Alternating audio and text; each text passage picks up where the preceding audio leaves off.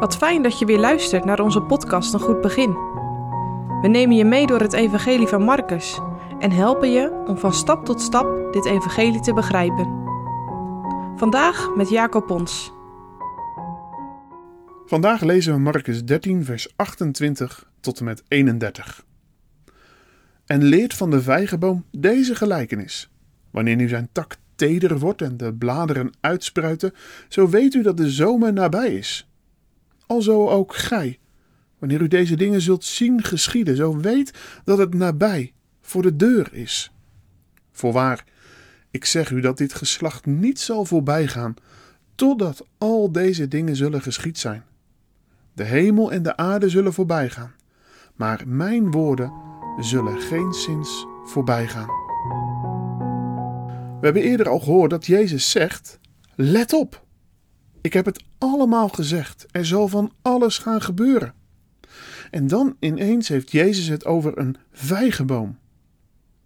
Eerder heeft hij al een vijgenboom vervloekt en nu vertelt hij een gelijkenis over een vijgenboom. Het is een bekend beeld voor de Joden, want iedereen wist wat voor boom dat was. De vijgenboom wordt regelmatig genoemd in de Bijbel. Het is een grote, statige boom met een heel dicht bladerdak. Onder deze boom kon je aangenaam uitrusten. Denk maar aan Nathanael die onder de vijgenboom zat toen Filippus hem riep om mee te gaan.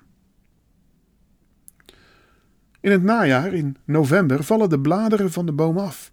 De boom maakt zich klaar voor de winter. Je herkent het wel.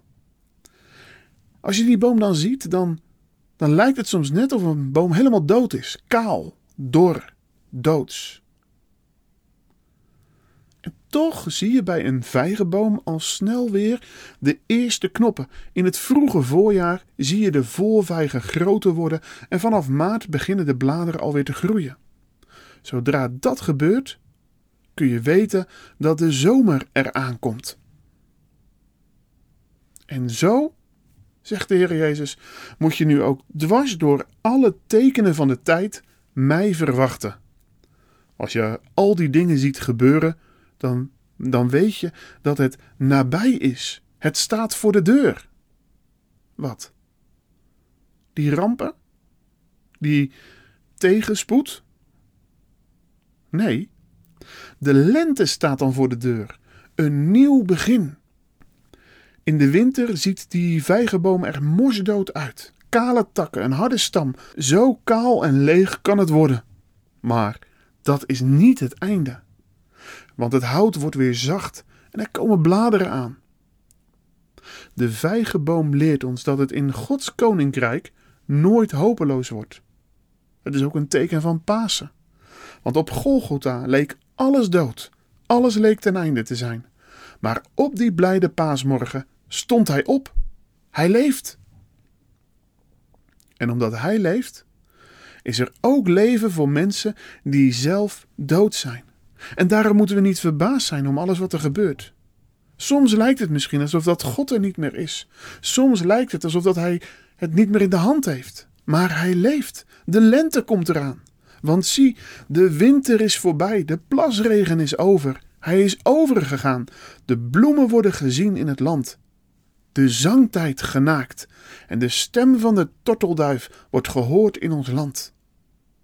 Het enige wat jij moet doen is verwachten.